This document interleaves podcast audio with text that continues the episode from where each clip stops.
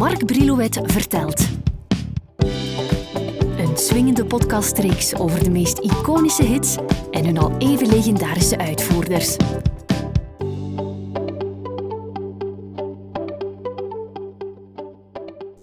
Countrymuziek, is dat jouw kopje thee? Dat genre ligt Vlaanderen niet zo na aan het hart. Als je hier in de hitlijsten gaat speuren, kom je country songs met mate tegen. In Nederland heb ik uh, de indruk, althans, ligt dat uh, enigszins anders, vooral de verdiensten vermoed ik van Ilse de Lange. Country is nu eenmaal een Amerikaanse aangelegenheid, lange tijd de bluesmuziek van de blanke medemens, al klinkt het iets meer woke wanneer ik zeg witte medemens. Door de jaren heen waren er wel Europese artiesten genoeg die zo slim waren in het aanbod van country songs te gaan neuzen om af en toe zo'n hit naar hun hand te zetten. Ik ga ze niet opzommen, ik ga de komende minuten stilstaan bij zo'n schoolvoorbeeld, bij de klassieker Green Green Grass of Home. Misschien vraag jij je ook wel eens af waar schrijvers steeds hun inspiratie vandaan halen. Liedjeschrijvers zitten ook vaak met dat probleem. Claude Putman vond zijn inspiratie in de bioscoop. Daar ontstond het idee voor Green Green Grass of Home na het zien van de film The Asphalt Jungle, waarin de gevangene, Erwin Doc Riedenschneider, droomt nog eenmaal het zo vertrouwde groene gras rond zijn boerderij terug te zien. Alleen blijkt aan het einde van de film dat het nooit zal lukken. De man in kwestie pleegt namelijk zelfmoord. De film werd gedraaid in een regie van John Huston en ging de 23 mei 1950 in première. The Asphalt Jungle is gebaseerd op het gelijknamige boek van W.R. Burnett en werd voor de film door Huston zelf bewerkt. Een klein detail, elf jaar later produceerde ABC Television een tv-reeks onder de titel The Asphalt Jungle met Jack Warden in de hoofdrol. Die reeks hield het maar één seizoen uit.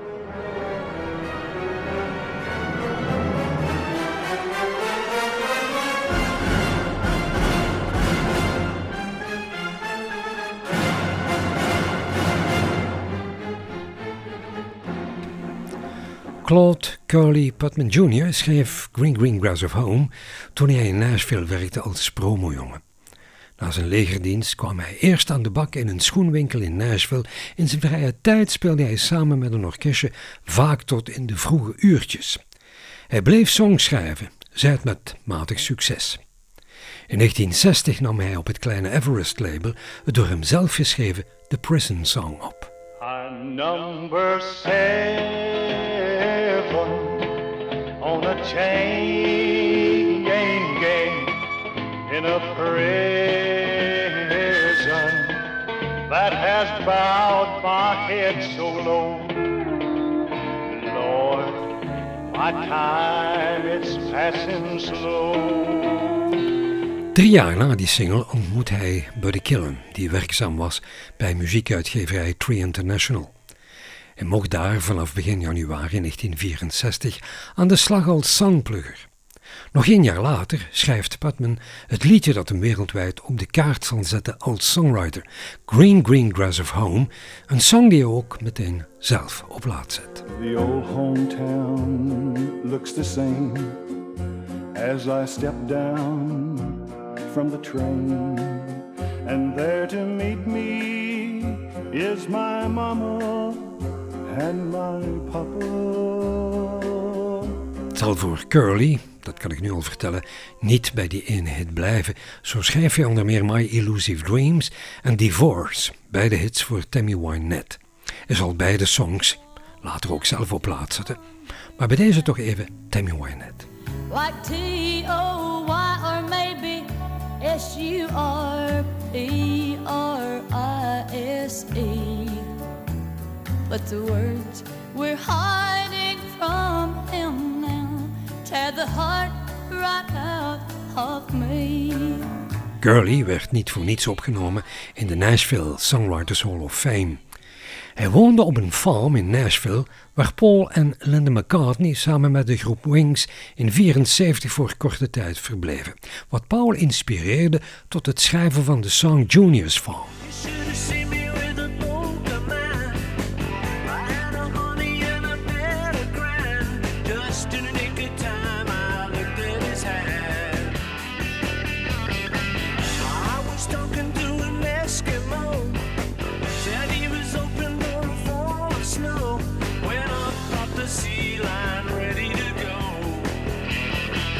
Green Green Grass of Home werd voor het eerst opgenomen in 1965 door countryzanger Johnny Darrell uit Alabama.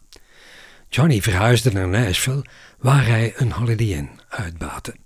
Tussendoor zong hij en werd zo ontdekt door Bobby Bear. Johnny nam wel vaker liedjes op die in andere versies een hit zouden worden. Ik denk maar aan Ruby Don't Take Your Love to Town, The Son of Hickory Hollis Stram en With Pen in Hand. Johnny kampte zijn leven lang met diabetes, waardoor hij maar zelden en moeilijk kon optreden. Een reden ook dat hij niet echt doorbrak. Hij overleed aan de gevolgen van die ziekte op 57-jarige leeftijd. You have painted up your lips and rolled and curled your tinted hair. Ruby, are you contemplating going out somewhere? The shadows on the wall tell me the sun is going down. Oh, Ruby, don't take your love to town. Nu, Green Green Grass of Home is het verhaal van een man die na lange tijd afwezig te zijn geweest, terugkeert naar zijn geboorteplek en daar zijn geliefde ontmoet. Beelden uit zijn jeugdjaren duiken daarbij op met ons bedenking It's good to touch the green green grass of home. Plots gaat de zangpartij echter over in een parlando wanneer de man uit een droom ontwaakt en zich omringd ziet door four grey walls. Blijkt dat hij ontwaakte uit een droom in de gevangenis op de dag dat hij zal terecht worden gesteld. Een bewaker en een priester begeleiden hem naar buiten.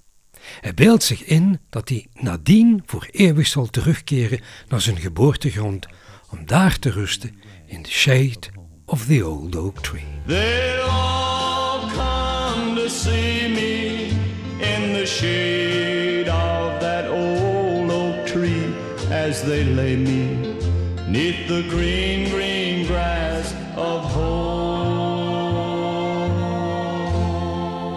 Het was Porter Wagoner die als eerste een hit scoorde met Green Green Grass of Home. Nadien doen Bobby Bear en Jerry Lee Lewis dat nog eens over. Jerry Lee zette het in 65 op zijn langspeler Country Songs for City Folks. Toen Tom Jones dat jaar moest optreden in The Ed Sullivan Show, bracht hij een bezoek aan Colony Records in New York City. Op vraag of ze geen recent werk van Jerry Lee Lewis in huis hadden, overhandigden ze hem dat album met daarop dus onder meer Green Green Grass of Home. Producer Pete Sullivan trekt in de herfst van 66 met Tom Jones naar de Decca Studios om Green Green Grass of Home in de definitieve versie te gieten, want intussen is die opname van Jones een echte klassieker geworden. Jones kende die song dus via de versie van Jerry Lee, die het al eerder had opgenomen. Al zijn er bronnen die vermelden dat Jones het nummer ook kende van Porter Wagoner, die dat, zoals ik daar straks al zei, ook had ingeblikt.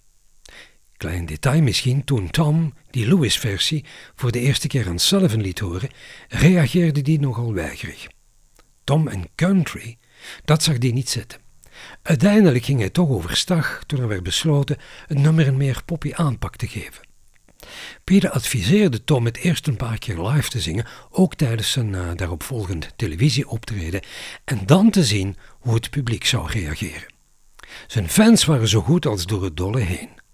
Bij Dekker werd er niet lang geaarzeld en aan Les Reed werd gevraagd de arrangementen te schrijven. Door diens aanpak klonk de song inderdaad meer poppy dan country. Tom blij, want in eerste instantie wou hij zo dicht mogelijk bij die versie van Jerry Lee Lewis blijven. The old hometown looks the same as I step down from the train. And there to meet me is my mama and papa. Down the road I look, and there runs Mary, hair of gold and lips like cherries. It's good to touch. In 2006 zal Tom Jones samen met Jerry Lee Lewis Green Green Grass of Home vertolken tijdens de opname van de show Last Man Standing. Dat niet veel gescheeld of Tom Jones had die Green Green Grass niet opgenomen. Het jaar 66 had hij namelijk geen echte hits meer gescoord. Hij begon te twijfelen of Decca wel het geschikte platenlabel voor hem was. Op zekere dag komt Motown bij hem aankloppen. Zijn toenmalige manager Gordon Mills ziet niet de kip met de gouden eieren in die deal. Tom zal er niet veel aan verdienen. Maar Tom zet stijfkoppig door. Barry Gordy Jr. had intussen zijn gouden trio, Holland, Dozy en Holland, al aan het werk gezet om speciaal voor Tom een aantal songs te schrijven. Later bleken om songs te gaan als Bernadette en Reach Out, I'll Be There. Toen uiteindelijk de deal met Motown dan toch niet doorging, belanden die nummers bij de Four Tops die er gigantisch mee scoorden.